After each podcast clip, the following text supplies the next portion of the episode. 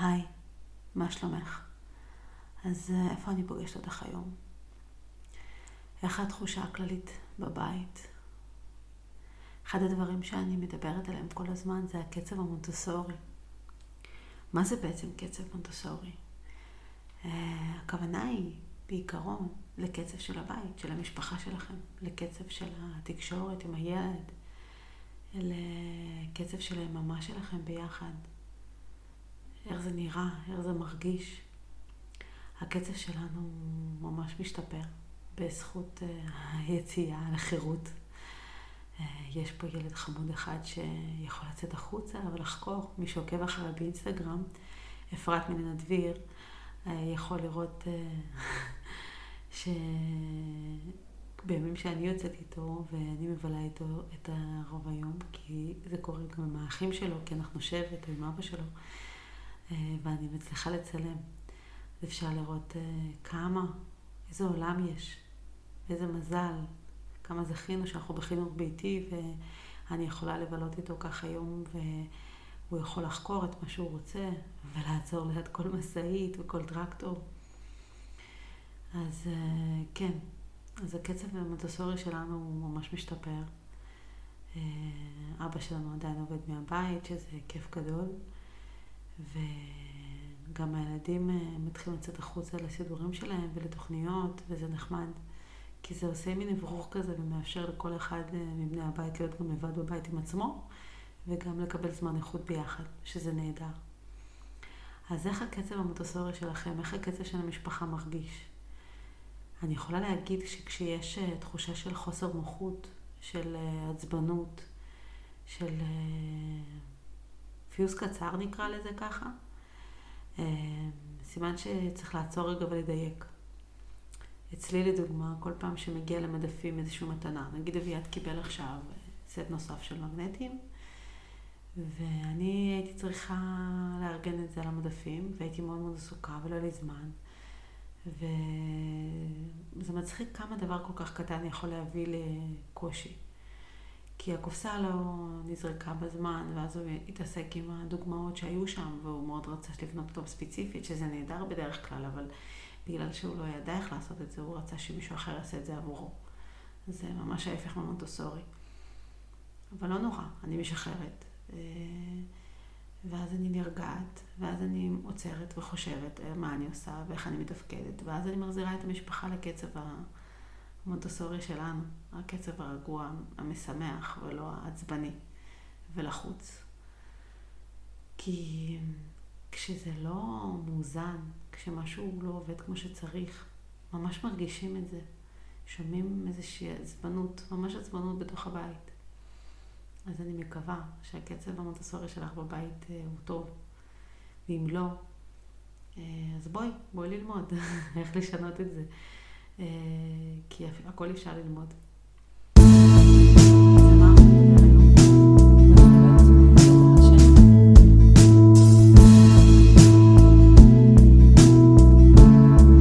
הגעת לפודקאסט ליצור מונטסוריה בבית של אפרת מגן דביר.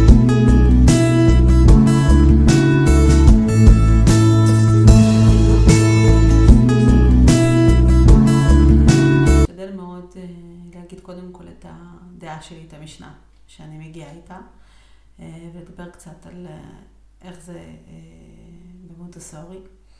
אני רק אזכיר ואדייק שמריה מונטסורי והגישה שלה הייתה לפני המון המון שנים, ויש הרבה דברים, לדוגמה, מריה מונטסורי הייתה מדבר, מדברת על זה שסוכר לבן, של סוכר לבן משמחת ילדים, ואנחנו יודעים עכשיו שיש דברים אחרים נהדרים שיכולים לעשות את העבודה, ו... כמו תמר לדוגמה. וכי עודף סוכר פחות טוב לילדים ולמוח. אנחנו כבר יודעים ומכירים את המחקרים העדכניים. אותו דבר לגבי השינה. אה, מרימת הסורי אה, דיברה המון על עצמאות, ואז כתוצאה לכך התפתחו גישות אה, שקשורות לשינה, ש... שמעודדות עצמאות. אני בעד עצמאות. אני מי שעוקב, אם את שומעת את הפודקאסט הזה, זה לא הפודקאסט הראשון שלך, אז את יודעת אה, שאני בעד עצמאות ומשמעות אה, ותחושת הצלחה. יחד עם זאת, אני מזכירה את הגלגול הקודם שלי, מי ששמע את הפודקאסט, הפרק שאני מדברת איך הגעתי לפה. אני דולה מרדכי נקה, לשעבר, כן? כי אני לא עוסקת בזה, אבל המוח עדיין חריף, כל המידע עדיין שם, במחקרים. ואני בחרתי לגדל את אביעד, כי הוא בא אחרי ידע, קרוב קרוב אליי, צמוד צמוד. אז כמובן זו בחירה לגמרי שלי. זה לא אומר שאת צריכה לבחור את אותה בחירה, ממש לא. אני מספרת מה אני בחרתי, ואני גם מדבר על גישות שונות בתוך הדבר הזה. אז קודם כל, בואו נסכים שאם את שומעת את הפודקאסט שלי, אז אה, אולי גם שמעת אותי בעבר, אולי ספציפית בפרקים, מדברת על התקשורת מקרבת, ואיך אני מרגישה שמונטסורי ותקשורת מקרבת, איך זה מתחבר ביחד. ובואו נדבר על הורות אה, מחוברת וקרובה. שאנחנו ניתן מענה לצורך של הילדים שלנו כמה שיותר מהר. מצד אחד, נשב על הידיים, נאפשר להם לחוות תסכול, אבל לא כשהם פיצקים קטנטנים. כשהם פיצקים קטנטנים, אנחנו נאפשר להם לחוות uh, הכל, אבל הם צריכים, בטח בחודשים הראשונים לחיים, הם צריכים קרבה מאוד גדולה. Uh, אני מזכירה גם שלפי ההגדרות של משרד הבריאות, uh, לפחות לאחרונה שבדקתי, אז אומרים שעד גיל שנה לישון בחדר שלך ילד. זאת אומרת, גם אם... לא שינה משותפת. אז עם כל הדברים האלה שאני אומרת, אני אספר לכם מה אני עשיתי ואני אספר לכם אה, אה, מה, מה עושים אה, בעולם המונטסורי. אז קודם כל אני אספר מה עושים בעולם המונטסורי. אה, בעיקרון מכינים מרחב שהוא סופר בטוח לתינוק שלך. עכשיו, זה משהו שאפשר לעשות אותו תמיד, גם אם את בוחרת בשינה משותפת. אה, עדיין אני ממליצה לבנות מרחב נוסף. אה, שהוא סופר בטוח שאפשר לשהות בו, שהוא לא ספציפית מיטת שינה, ואז אפשר גם, במיוחד שמדובר בפיצקים וקטנטנים, אה, פשוט לרבות שם ולהיות שם.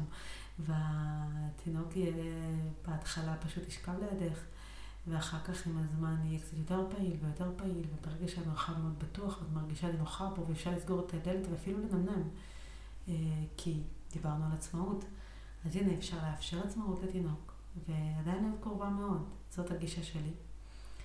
אז החדר, מה, מה הוא צריך להיות? הוא צריך להיות uh, מיטה שהיא מאוד קרובה לרצפה, כדי שהתינוק יוכל uh, להגיע, ברגע שהוא יכול, להגיע לבד uh, למיטה וגם לרדת ממנה.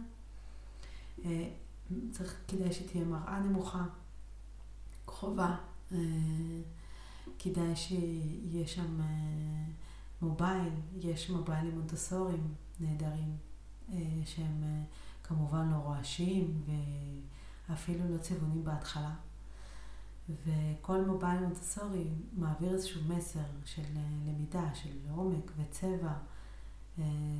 אפשר גם לא ללכת על מונטסורי פרופר, ופשוט לשים של ענף עם עלים ופרחים. זה המון, באמת, כי זה טבע, ומהטבע לומדים המון. מה עוד צריך להיות במרחב כזה?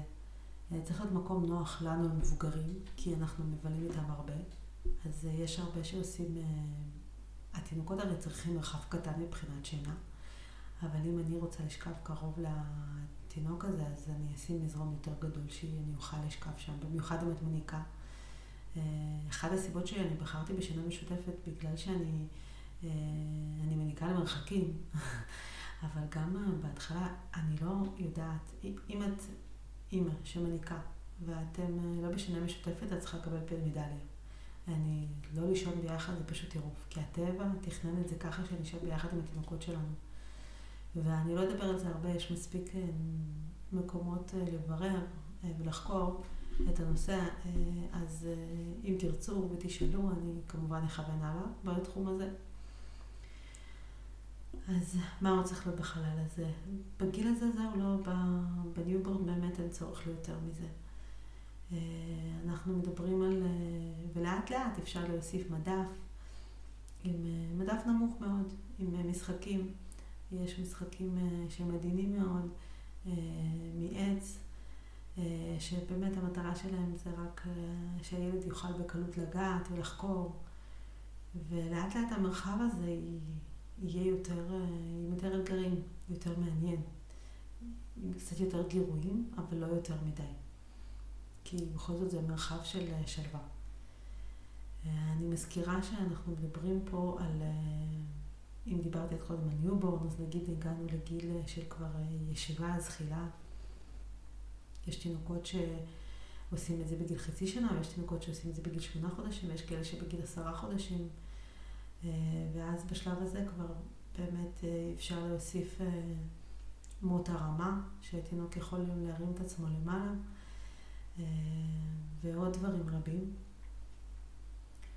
אז אה, מה, מה, מה, מה בעצם אנחנו מחפשים פה בחלל הזה? כמו שאמרתי, שלווה ובטוח מאוד. זאת אומרת, אם יש אה, כבל חשמל ובמקום, יש משהו מציץ שאי אפשר, משהו שיטפס עליו, שהוא לא בטיחותי, אז אנחנו רוצים שהוא יהיה מחוץ לחדר כזה. חדר כזה צריך להיות, תהיה שפיות.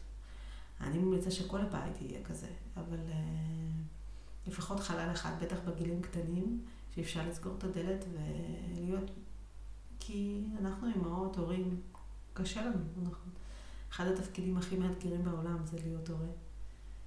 ואנחנו לא בהכרח ישנים טוב, ואנחנו עושים עוד כמה דברים חוץ מלטפל בתינוקות שלנו. אז כדאי שתהיה לנו את האפשרות גם אה, לנוח ביחד עם הילדים שלנו קרוב. אז מה שעושים בעולם בדרך כלל שזה או שהדלת נסגרת או שיש שם אה, שער. אה, השערים, כמו ששמים ליד המדרגות, שערים בטיחותי שאי אפשר לפתוח אותו בגיל קטן, ואחר כך ילד כבר יודע לטפס מעליו, אז כמובן, וזה משהו שצריך להבין. חשוב להבין שמה שאני אוהבת במוטוסורי, וזה חלק שאני מאוד אוהבת גם בגיל קטנטנים, שיש פה המון עצמאות. תינוק שהתעורר בחלל כזה, הוא יכול פתאום להציץ, להסתכל על הדברים מסביבו, לשחק קצת, ואז לזחול חזרה לישון. זו באמת מתנה. אה, אז תחשבו רגע, אה, בעולם אידיאלי, לתכנן בית, שבאמת יש פה חדר כזה, אה, ואז מרדימים את הילד, אבל שוב, אני בחרתי הנקה, אז אני רוצה להיות קרובה לתינוק שלי, אני לא רוצה להתעורר כל כמה זמן ולבוא להעניק, או הפוך. בגילים גדולים יותר, ברגע שהתינוק עובר לחדר משלו, הוא נמצא בחדר משלו והוא רוצה לנהוג בלילה, הוא יכול בהחלט לבוא לאימא שלו.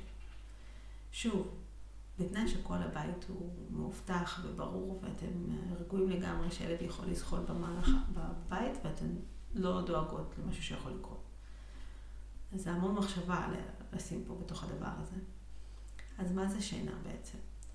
אני בעד שינה שבה כי התינוק רוצה, אני בעד לעזור לתינוקות להירדם, לא משנה אם זה ציצי או תנועה או כל דבר אחר. יש כל מיני סוגים של תינוקות. אה, יש תינוקות שהם אה, ישנים לילה שלם, כן? יש כאלה של השכנים, בדיוק אה, אני וקבוצת החברות שלי צחקנו, כי יש לנו תינוק כזה בחבר'ה, ואפילו האימא הייתה בהלם, כי זה הילד השני שלה, והיא אומרת, אני, כשאימא שלי אמרה לי שאני חזרתי הביתה, אחרי בית חולים, מבית חולים, אחרי לידה, וישנתי לילה שלם, ואני אמרתי, בטח עוזה. בטח זה מה שהיא זוכרת, עשתה, הדחיקה. והתינוק הראשון של הילד הראשון שלה באמת לא היה כזה, הוא היה צריך אה, עזרה בהרדמה. ופתאום התינוקת החדשה שלה נרדמת, ישנה לילה שלם. וזה מדהים, כי כל אחד מהתינוקות שלנו הוא שונה. אז uh, אני בעד ללכת אחרי הילד גם פה, כמו שמריה מונטסורי אמרה. ילד שצריך עזרה בהרדמה, אני אעזור לו. ילד שמצליח להירדם לבד, אני לא יעיף עליי את ההרדמה שלי. אה, כן ידוע שתינוקות צריכים תנועה, כי הם אה, רגילים לתנועה מהרחם, וכן ידוע שתינוקות צריכים מגע קרוב, כי מגע של אימא קרוב קרוב אליהם מאזן את הרמות, גם חום גוף וגם רמות ה... בואו נדבר על הכל, גם על התחושות וגם על הרוגע וגם על הדופק, על הכל הכל הכל. אז התינוקות שלנו צריכים אותנו. מיד כשהם נולדים, כי הם נולדים אה, עדיין לא, לא אפויים עד הסוף, מה שנקרא. אנחנו התפתחנו, הגולגולת שלנו גדלה, אז התינוקות צריכים להיוולד בשבוע 40 לערך, אה, אבל תינוק אנושי זה לא כמו, אה, נגיד, שסוסה ממליטה. אז סוס אחרי כמה זמן קצר יחסית, הוא מתרומם והולך אחרי אמא שלו, הוא יודע ללכת אחריה ולנהוג, הוא יודע שהוא חייב להיות צמוד צמוד אליה כל הזמן. היא כמובן תעזור לו, אבל היא, אנחנו, אה, החיות האנושיות, אנחנו יודעים ללכת על שתי הרגליים, ואנחנו יודעים לתת לתינוק שלנו את ההמשך של הרחם שהוא היה צריך לקבל כשהוא, כי הוא נולד לא, לא, לא, לא, לא מבושל עד הסוף. אז אה, זאת הגישה שלי, ולכן אה, אני כן בעד שינה משותפת, בצורה בטוחתית כמובן, וכל אחד צריכה ללכת ולחקור ולבדוק מה זה נכון עבורה. וליצור חללים שהם נעימים לילד שלנו, עם מינימום גורים. שימו לב, כל מה שדיברתי, לא דיברתי על צבעים מאוד עדינים, מאוד רגועים של צבע עץ, אה, כמה שפחות אה, אה, רעשי עיניים, מה שנקרא. אז מה בעצם אמרתי על השינה עד עכשיו? אמרתי ששינה זה דבר שהוא מאוד מאוד רגיש. אצלנו בעולם שלנו. לכן יש ציפייה מהתינוקות וגם מילדים להירדם אה, אולי לבד, אולי להירדם מהר. לא רק זה, אני יודעת, אה, כי ערב זה שעה שהיא לא פשוטה. אנחנו כבר בסוף היום שלנו, האנרגיות שלנו לקראת הסוף, רמת החרדה שלנו עולה, ואנחנו רק רוצים שזה ייגמר. אז אני אזכירה, תזכורת קטנה. יש לנו דבר כזה מדהים. אנחנו מבוגרים. לנו יש את היכולת לדבר בחברה, למלא את הדלי של עצמנו, לחשוב על פתרונות, מהם הדברים שאני יכולה לעשות כדי לעשות אותי חזקה יותר מנטלית. ומה הכוונה?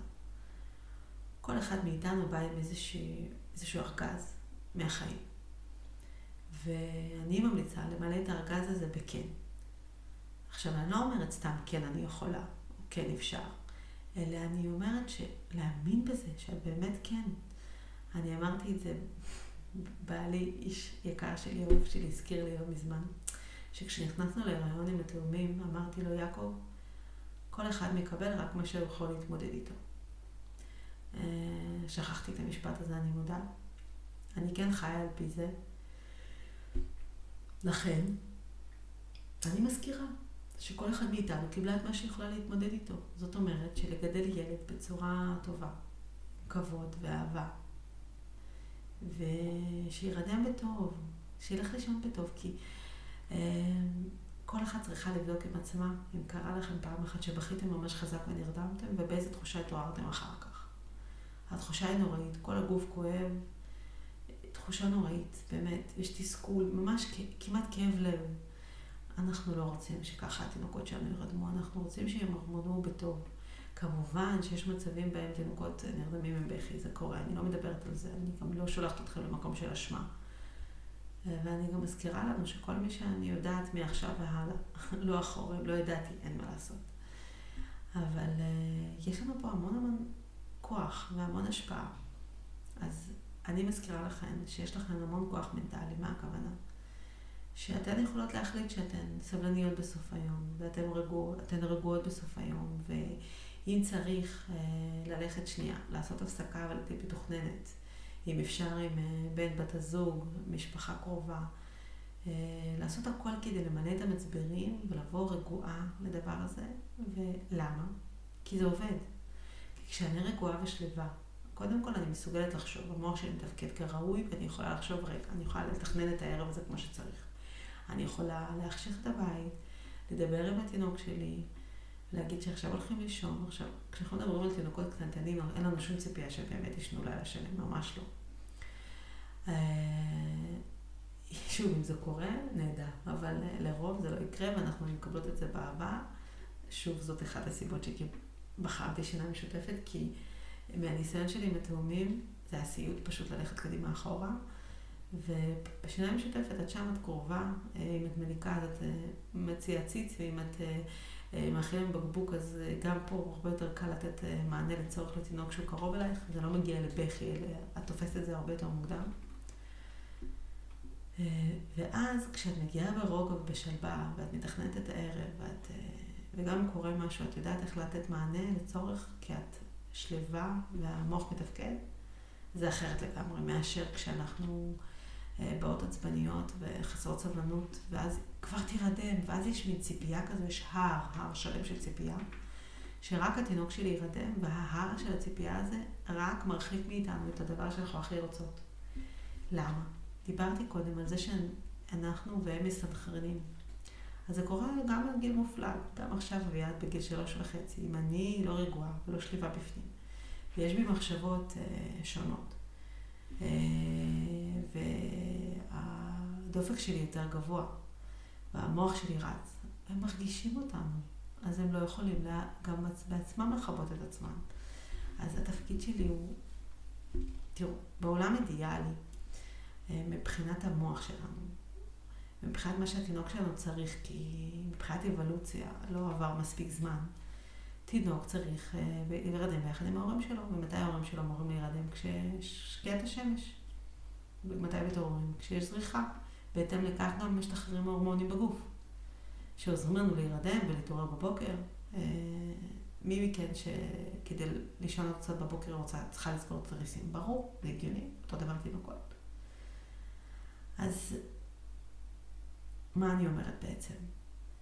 ברגע שיש לכם חלל שהוא נעים לשהות בו, והוא נוח והוא שימושי, ברגע שאתן מגיעות רגועות ושליבות ללילה, כי לילה זה הכי קשה, כי אנחנו מאוד מאוד עייפות, ברגע שאתן לא מצפות לכלום, שאתן מקבלות את החיים כמו שהם ואומרות תודה, וברגע שאתן מונות על הצורך של הילדים שלכם, רק טוב יקרה. אז יהיו תינוקות שישנו לילה שלם מההתחלה, יהיו כאלה שבהתחלה זה אי-סיוט ולא ישנים בכלל, ואז לאט לאט יהיו מרווחים יותר ויותר גדולים. ויהיו כאלה שזה תינוקות שזה היי שזה בכלל, בכלל, כל דבר, כל פיפס, כל דבר, פשוט לא ישנים בלילות בכלל, אה, וחיים על פי עדי שינה. אה, אז כל אחד מאיתנו מקבל את מה שהוא יכול להתמודד איתו. ואני אומרת תודה על מה ש... על הידע שיש לי, על זה שזכיתי ויכולתי לבוא רגועה לאביעד. ולרגועה להרדמות, ולזכור ולהאמין שזה התינוק, וזה מה שיש, ולזה אני יכולה, עם זה אני יכולה להתמודד. ואז כשיש אה, תיאום ציפיות ביני לבין העולם, הכל הרבה הרבה יותר קל. אז אני חושבת שעד לפה הבנתם מה הגישה שלי לגבי השינה, ואני מקווה שקצת הסברתי אה, על השינה אה, מבחינה מהגישה המונטסורית. אה, אז על מה נדבר עוד? אם אנחנו נחבר את זה רגע לשינה, בואו נדבר שנייה. נדבר על שינה בגילאים יותר גדולים. אה, יש תינוקות שישנים שנץ. אה, בגיל מבוגר יותר, הרי בהתחלה הם ישנים כמעט כל הזמן, אחר כך יש מרווחים יותר גדולים, ואז יש שנת בוקר, ואז יש שנת צהריים, ושנת אחר צהריים ולילה. ואז כל פעם שנה אחרת יורדת. עד לש... עד לשלב שנשארת רק שנת בוקר ושנת צהריים, ואחר כך נשארת רק שנת צהריים, ואחר כך גם זה הולך. והשינות האלה זה כמו מתנות. הם נרדמים. במקרה שלי, אביעד היה צריך מגע קרוב קרוב, הוא ממש ישן עליי. אה, בשלושה חודשים הראשונים, חודשיים וחצי, אביעד ישן פיזית עליי, או בהריסל, אה, כי לא הייתה ברירה. מי שפספסה, התחלתי לספר את סיפור, סיפור השינה שלי ושל אביעד. אני אדבר גם על התאומים הגדולים, רק כדי לתת uh, את ההבדל. Uh, אז נכון, אני מדריכת הנקה ודולו במקצוע וכל הידע, אבל אף אחד לא נותן לי הנחות בדבר הזה, אז uh, לא משנה, ברגע שהוא נרדם הייתי רק מניחה אותו על המיטה שלו, צרחות היסטריות, ישר התעוררות, אז בסדר, אוקיי, קיבלתי את זה. קנינו הריסה, תלינו אותו. אה, למה? כי הוא לא הסכים על שום דבר אחר. אז הייתי צריכה איזשהו משהו כדי שהוא ישן פה, שהוא לא אני, כדי שאני אקבל קצת רוגע ושלווה. עכשיו, זה נכון שהוא יכול לישון על פני משפחה שונים, אבל לפעמים הולכים ואני נשארת לבד ואני צריכה מקום להניח אותו בשביל, לא יודעת, לעשות פיפי, אולי לאכול במקרה הטוב. והריסה באמת הציל אותנו, אני אשים את זה בקישור.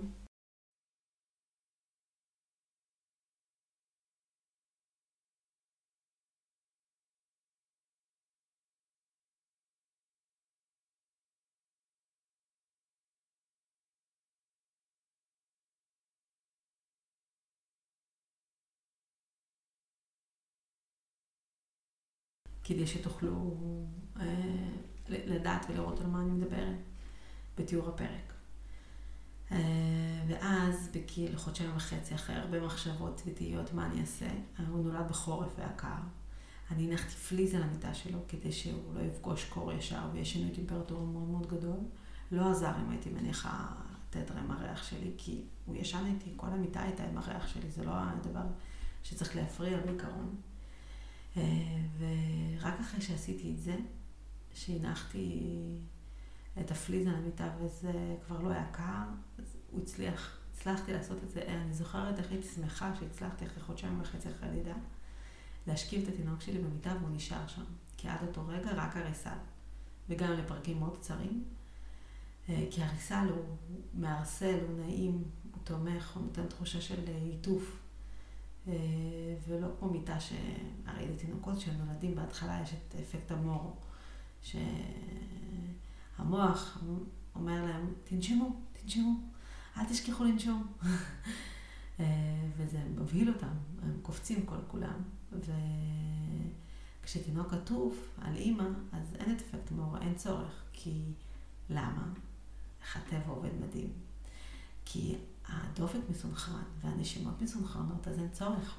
בגלל שזה מסונכרן, האמא מזכירה לו לנשום. אבל כשתינוק שלו נמצא במיטה, רחוק ממני, משהו צריך להזכיר לו לנשום. זאת הסיבה שיש המלצה לשכב על הגב. בדיוק בגלל שכדי שאפקט מור יעבוד, התינוקות יתעוררו ויזכרו לנשום. ו... ואז אביעד התחיל באמת לישון אה, איתי במיטה, וזה היה נהדר. עדיין לפעמים היו צלילות שהייתי צריכה לקום, או ללכת לסלון, או לשים בעריסה, או לעשות עוד דברים. הרדמות זה היה, היה לו רופלוקס, וזה היה צריך, היינו צריכים כדור פיזיו ומנסה כמובן. זה הכל היה סאגה. ושוב, אני הייתי ברוגע ושלווה, לא ציפיתי לשום דבר אחר, ידעתי שיהיה לי תינוק, וידעתי מה זה תינוקות. וידעתי שתינוקות צריכים מאיתנו המון המון עזרה ותמיכה כדי לעבור ממצב של ערות לשינה, הם באמת צריכים את העזרה. למה? כי בתוך הרחם של אימא. הם קיבלו את העזרה הזאת, וזה כל ההיריון היה, ופתאום הם יצאו החוצה לאוויר העולם. שהטמפרטורה כבר לא בדיוק כמו שהם צריכים. ופתאום כדי לאכול הם צריכים uh, לעשות פעולה מאוד מאוד מעייפת. ועד אותו רגע לא היה צריך לעשות את כל הדברים האלה, האוכל היה מגיע אליהם אוטומטית. הטמפרטורה הייתה מושלמת. ועלתה להם נחת, והיה את הדפיקות לב שלנו ואת כל הרעשים של כל ה... את הגוף שלנו ומהעיים שלנו ו... והתנועה של הגוף שלנו שאנחנו הולכות, אומרים תינוקות מחליפים בין יום ללילה. אין, לא מחליפים בין יום. אנחנו, בזה שהם נולדו, מחליפים להם יום ולילה. ואז לאט לאט לוקח להם זמן להסתנכרן, הם באו לעולם הזה להסתנכרן. אז, אה, ואז לאט לאט זה נהיה קצת יותר טוב ויותר טוב. אה, אביעד לא הסכים בשום פנים ואופן אה, להירדם, נגיד בתנועה, יש תינוקות שמוכנים להירדם בנסיעה באוטו. נסיעות באוטו היו בלתי אפשריות, לכן אנחנו פשוט לא נסענו באוטו כמעט אף פעם. לרמה שהייתי נוסעת בתחבורה ציבורית ולא ברכב, כי יכולתי לשים אותו במנסה עליי ולנסוע ברכבת, והוא היה מקבל מענה לצורך ולא היו צריכות. אה, כן, האם אפשר להגדיר את אביעד היינית בבי? אני לא יודעת. אה, אני לא מחפשת הגדרות, אני רק יודעת שאני זכיתי באמת כל הידע שהיה לי כדי שיכולתי לתת לתינוק הזה כמה שיותר, אה, שיהיה לו כמה שיותר קל. ולקח זמן, ולאט לאט נהיה יותר קל. עד עכשיו הוא לא כל כך נרדם בקלות באוטו, אבל פתאום קרה דבר והוא הפסיק לבכות באוטו. ואז הוא התחיל אפילו להירדם ברכב מדי פעם, אז היה, היינו ממש בהלם. הוועד היה נרדם המון במנסה, אני ומנסה אנחנו היינו חברים מאוד טובים. מנסה זה היה משהו שעוד לפני שילדתי. יש כאלה שדואגות לעגלה, אני דאגתי למנסה, בעיניי זה היה הרבה הרבה יותר חשוב ומהותי. אה, אני הרגשתי, אמרתי גם, כשהוא עוד היה ברכב, אמרתי לו, אל תדאג, אתה תהיה קרוב אליי, לא לדאוג. ו... אני חייבת לציין שבגלל שיש לי ילדים גדולים, ואני זכיתי לראות את זה בדרך ציפה שונה, שאני כבר אספר עליה עכשיו, ו... וזכיתי לראות את הזמניות של הדבר הזה, כמה מהר הם גדלים ומשתנים, ופתאום לא צריכים אותך יותר. ואנחנו פתאום מפסיקים לשמוע את הטפטופים אה, של כפות הרגליים הקטנות האלה בבית.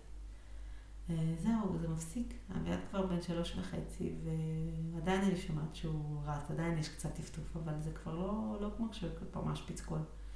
ובקרוב הוא יגדל, והוא יצטרך אותי פחות ופחות. עכשיו הוא צריך אותי קרוב עדיין, אבל לאט לאט הוא יצטרך אותי פחות ופחות, וזה זמני. ויחסית לחיים שלנו ושלהם ביחד, זה זמן כל כך קצר. אז אני בעד. אני בעד לתת להם את מה שהם צריכים כדי לעזור להם להירדם. אה, ודבר מדהים שאני אספר עליו טיפ, כן?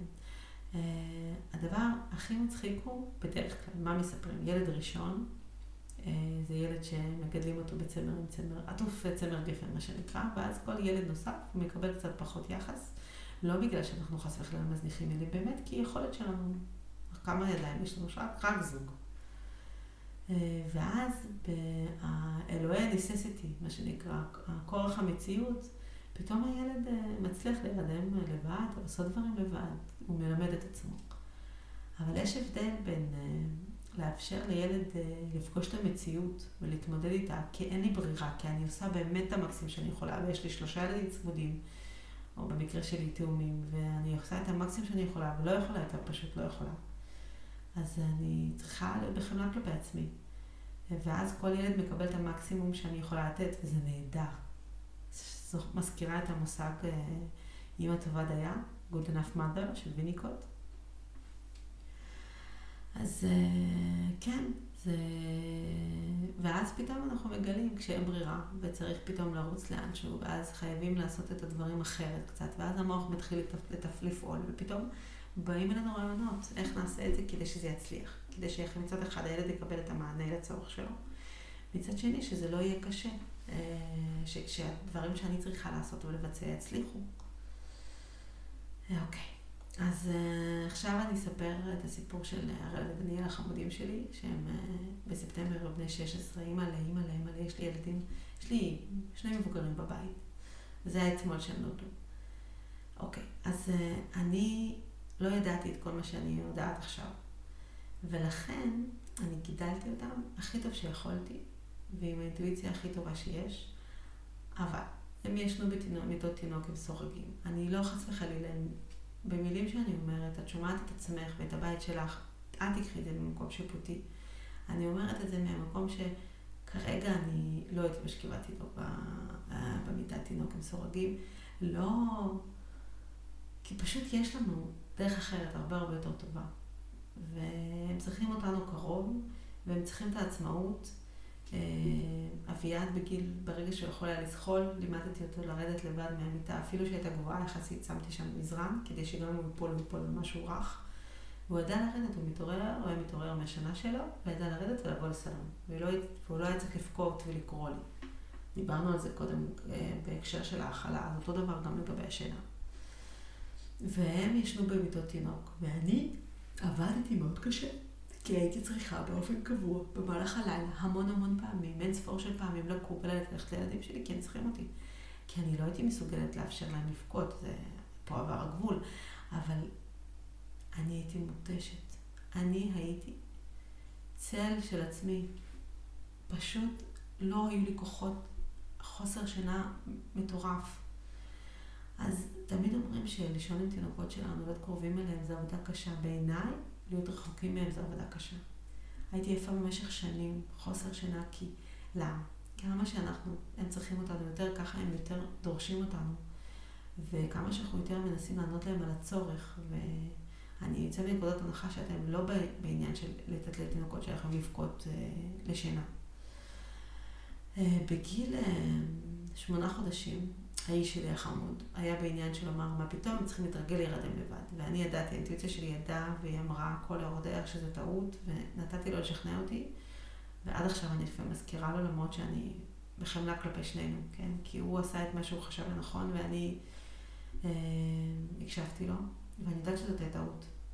כי הם בחרו, וזה היה נורא. אה, זה לא עזר. השינה אצלנו בבית, במקום שזה יהיה משהו חיובי, שינה זה דבר טוב, זה כיף לישון. מיטה זה מקום נהדר, זה מקום של חלומות ושל שמחה ושל חוביקים, זה לא עונש. זה המסר שאני רוצה להעביר, עם, זה, עם איזשהו מסר שאני רוצה שתצאו מפה. ששינה זה דבר נהדר, והזמן שינה זה דבר נהדר, ובזמן שינה קורים דברים נפלאים למוח שלנו ולהתפתחות שלנו. ברגע שתינוקות נרדמים בוכים, נעצרת ההתפתחות שלהם, הידעתם את זה, שמשתחרר רמות קורטיזול מאוד מאוד גבוהות בגוף, והגוף משדר מצוקה, ואז הוא עוצר, הוא אומר, רגע, תעצרו הכל, תעצרו התפתחות, תעצרו. יש פה בעיה, יש פה מצוקה. לכו תחקרו את זה, אל תקשיבו רק לי. אז כן, שינה זה דבר כיפי. אז במקום ללמד את הילדים שלי ששינה זה דבר טוב, אני הייתי רואה בזה כסוף היום הגיע, יאללה, למיטה, ולא רוצה לשמוע, לא רוצה לדבר איתכם. למה אמרתי את המילים האלה? לא כי לא אהבתי אותם. יש לי דמות בעיניים, למה? כי ברגע שהם היו נרדמים, בשנייה הזאת שהם היו נרדמים, הרגשתי רע. ידעתי שמשהו לא בסדר. התגעגעתי אליהם, רציתי את החיבוק שלהם, אבל אני בזמן, ההפרעת של אז, לא ידעה להבין את זה. ולקח לי זמן, רק זמן אחר כך שהייתי שוכבת איתם, מתחבקת איתם לפני שינה. ו... עכשיו, שלא תבינו נכון, כל ערב קראנו ספרים. והתחבקנו, אבל הייתי חסרת סבלנית. חסרת סבלנות, הייתי, פשוט הייתי צריכה שזה ייגמר, היו לי ציפיות. אם מישהו היה אומר לאפרת, את תתגעגעי לרגעים האלה, את תרצי אותם, את צריכה אותם, הם צריכים אותם. אז הייתי מקשיבה, הייתי עוצרת הכל והייתי משנה את הכל אז. אז זה מה שאני מנסה לעשות עכשיו. שינה זה דבר נהדר. המיטת סורגים, אני יודעת, זה קיים, אפשר לקנות את זה בכל חנות, אבל זה לא הפתרון היחיד, יש עוד דברים נהדרים אחרים שעובדים מצוין. אני ממליצה למצוא את ה... כמו שדיברתי בתחילת הפרק, הקצב המוטוסורי שלכם, למצוא את הקצב השינה שלכם. יכול להיות שהתינוק שלכם יצן בשנות יום במיטה עם משוחקים, כי זה נוח. יכול להיות שהוא ישן בלילה וביום הוא ישן במיטה עצמאית. כל אחד, את תמצאי את הדבר שמתאים לך. אני מבינה, וגם בדרך כלל כשאנשים, אה, משפחות, הורים, שומעים אותי, ואז יש איזושהי התנגדות במוח. דיברתי על זה באחד הפרקים, שזה משהו טבעי, זה פרה-היסטורי. ברגע שיש שינוי, אנחנו אה, מפרשים אותו כאיום להוויה שלנו. ואז אנחנו אוטומטית בהתנגדות. אז הרבה פעמים כשאנחנו באים, וקרה לכם פעם, שאתן באות לספר משהו חשוב, שאתן חושבות שממש כדאי לבן אדם השני לדעת, ובן אדם השני לא, מה פתאום זה לא יעבוד לי. ואת בהלם לגמרי, מה לא יעבוד? אתה בכלל לא שמעת אותי, חכה, בואו תן לי הזדמנות. לא, לא, זה לא יעבוד לי. זה בסדר. גם אם את עכשיו בהתנגדות זה בסדר. אני מבינה את זה. אה, תבדקי, תחקרי, אה, תשאלי עוד שאלות, אני פה. אפשר לשאול אה, בקבוצת הפייסבוק מה עשינו עם המונטסורי. זה מדהים שעד הפודקאסט הזה לא ממש נגעתי בשינה, כי זה נושא מאוד מאוד נפיץ, ואני יודעת שכל אחד מאיתנו בוחרת את מה שנכון בשבילה. אז אני רוצה לספר לכם שהרב דניאל לא ישנו טוב בלילה, אף פעם. עד עכשיו. ועד עכשיו לפעמים הילדים שלי צריכים אותי קרוב אליהם, כי הם משלימים את הזמן שהם היו צריכים בעבר ולא קיבלו. ואני בחמלה כלפי עצמי. אה, אני זוכרת בהמשך הייתי עושה דמיון מודרך, מה לא הייתי עושה? רק כדי שירדמו. אבל כל מה שהייתי צריכה זה להרפות, לשכב לידם, לנשום נשימות של שינה, להיות ברוגע. כי התחלתי לדבר על זה קודם, כי ה... במצב האבולוציוני שלנו, תינוקות ומבוגרים נרדמים ביחד עם נשימות, וכולם הולכים פשוט לישון, כי האמא ואבא הלכו לישון. לא באמת צריך הרדמה. אבל אנחנו, בגלל שאנחנו נשארים ערים ויש אורות מסביב, אז אנחנו חייבות להרדים, לעשות משהו פעיל. אז הכי טוב זה לכבות את כל האורות בבית, להשאיר אורות נמוכים, להוריד את האנרגיות, לדבר בשלווה לקראת השינה. כדי שהתינוק שלנו ממש ירגיש את ההבדל באנרגיות שלנו ושל הסובבים אותנו. גם אם זה אומר שאתם אחרי שהרדמה, אתם תקומו ותעשו את הכל כרגיל. זה בסדר. אבל לאותו זמן לפני הרדמה, לשעה, שעה וחצי לפני זה, לעשות עצירה, לעצור את הבית, לעשות רוגע. אה, אני ממליצה לעשות אה, כן טקס שינה, לא מגיל לידה אולי, אבל כן ברגע שאתן מסוגלות לתפקד, וכבר היום והלילה הצטנחנו עם התינוקות שלכם, כן, הייתי מתחילה לעשות טקס שינה גם בשביל, בשבילנו, כמו שאמרתי קודם, כדי להראות להם את ההבדל של לילה ויום. לא כי יש ציפייה עכשיו שתישן לילה שלם. ואם אנחנו נעשה את הדברים האלה, ונלך אחרי הילדים שלנו, ופשוט ניתן להם אהבה, ונקרא להם סיפור בכיף, ולא נגיד להם, לא, רק סיפור אחד וזהו. אלא באמת, אפשר לך כמובן גבולות, אין בעיה. אה, במיוחד אה, אני יודעת מהניסיון שלי, שילדים שלי גם שהיו במסגרות והם חזרו מהמסגרות הביתה והם פשוט היו צריכים את הזמן שלי ביחד, אז הם היו מקבלים את זה לפעמים אה, לפני השינה, כי לפני זה היו צריכים לעשות דברים אחרים. לחשוב על זה, לתכנן את הזמן שהות שלכם ביחד אחרי המסגרות, לחשוב איך אתן ממלאות את הדלי, לא ספציפית רק לפני השינה, כי הילדים שלנו ייקחו את מה שהם צריכים. אתן מכירות את הגישה שתינוקות שקשה להם והם צריכים את הזמן עם ההורים שלהם, הם חולים, אז הם מקבלים את הזמן עם ה... איתנו, פשוט הם חולים, כי כשהם חולים אין לנו ברירה, אנחנו חייבים להיות שם נוכחים. אז מה המסר שלי? המסר שלי הוא פשוט להיות עם הילדים שלכם, ללכת אחריהם, ולמצוא את הדרך שהיא שלך, שהיא נכונה לך, אבל לזכור, מאוד מאוד חשוב לזכור את הצרכים הבסיסיים של התינוקות שלנו, של הילדים שלנו. אביעד בן שלוש וחצי, והוא עדיין ישן איתנו בשינה משותפת. והמיטה שלו מוכנה כבר אה, בחדר משלו, מיטה שהיא אה, מיטת רצפה, כי הוא הקטן כשהכנו אותה, בגיל שנה וחצי. כן, שנתיים כבר המיטה שלו מוכנה ומחכה לו, אבל הוא עדיין לא מוכן לישון שם. ואני מחכה שכשהוא יהיה מוכן, הוא ילך. ואני חייבת לציין שאני נהנית מהזמן שלנו ביחד, לכן אני עושה את זה. הוא ישן איתנו, והוא ישן עכשיו טוב בלילות, תודה לאל. חוץ מלילות שקשה לו, וזה בסדר גמור, אני מקבלת את זה, כי אני יודעת שגם הוא ישן בחדר אחר, הוא עדיין היה צריך אותי והייתי צריכה להיות נוכחת לידו. וכיף להתעורר איתו בבוקר, כיף לראות את החיוך, את החיבוק שלו, את הנשיקה, להגיד, אמא, בוקר טוב, אני עדיין עייף, אני רוצה עוד לישון. או אמא, בוא נקום, נקום מהר, אנחנו הולכים לעשות את זה או את זה. אה, אני נהנית מזה כי אני זוכרת שזה זמני. אני זוכרת שהזמן יעבור והוא יגדל, והוא לא יצטרך אותי כל כך קרוב. וספציפית במקרה שלי זה התינוק האחרון שלי, אז אני באמת נהנית מזה מכל רגע. ולמרות שאני עובדת מהבית ואני עסוקה מאוד, ובבוקר כשאני עייפה אני עדיין צריכה לתפקד. בדיוק כמוך, גם אם את עובדת מחוץ לבית. אה, אני עדיין אומרת, וואו, זכיתי. זכיתי כי אני עדיין קרובה אליו, והוא יכול להיות, אה, אם הוא צריך משהו, היה לנו לילה קשה, אנחנו יכולים להמשיך לישון בבוקר, אנחנו לא חייבים לרוץ למסגרת, ו... ואני צריכה לרוץ לעבודה. התאמתי, התאמתי את החיים אה, במיוחד לחיים שלנו, ואני גם אסירה תודה על זה.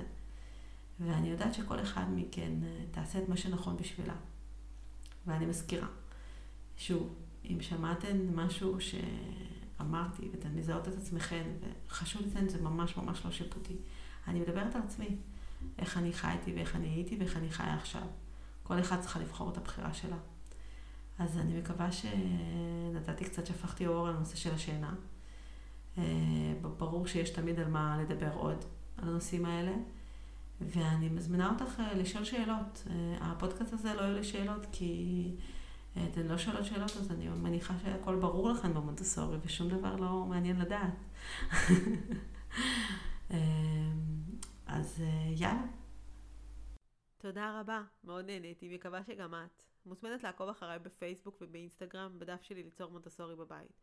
כמובן, אני מזמינה אותך לקהילה מה עשינו היום במונטסורי, קהילת פייסבוק שאני כל כך גאה בה ומאפשרת את התחושה ביחד והמון המון ידע. כדי לקבל אינפורמציה על הליוויים שלי בקבוצה או בפרטי, מוזמנת לשלוח לי הודעה בליצור מונטסורי בבית. ודבר מאוד מאוד חשוב, ואני רוצה להזכיר לך משהו. ילדים לא מגיעים לעולם עם כוונות רעות. הם לא באים להתיש אותנו, לבחון את הסבלנות שלנו, לדחוף אותנו לקצה. הם באים אלינו עם צורך לאהבה, חיבור ושייכות. ציטוט קטן של רבקה הנאיש. ביי.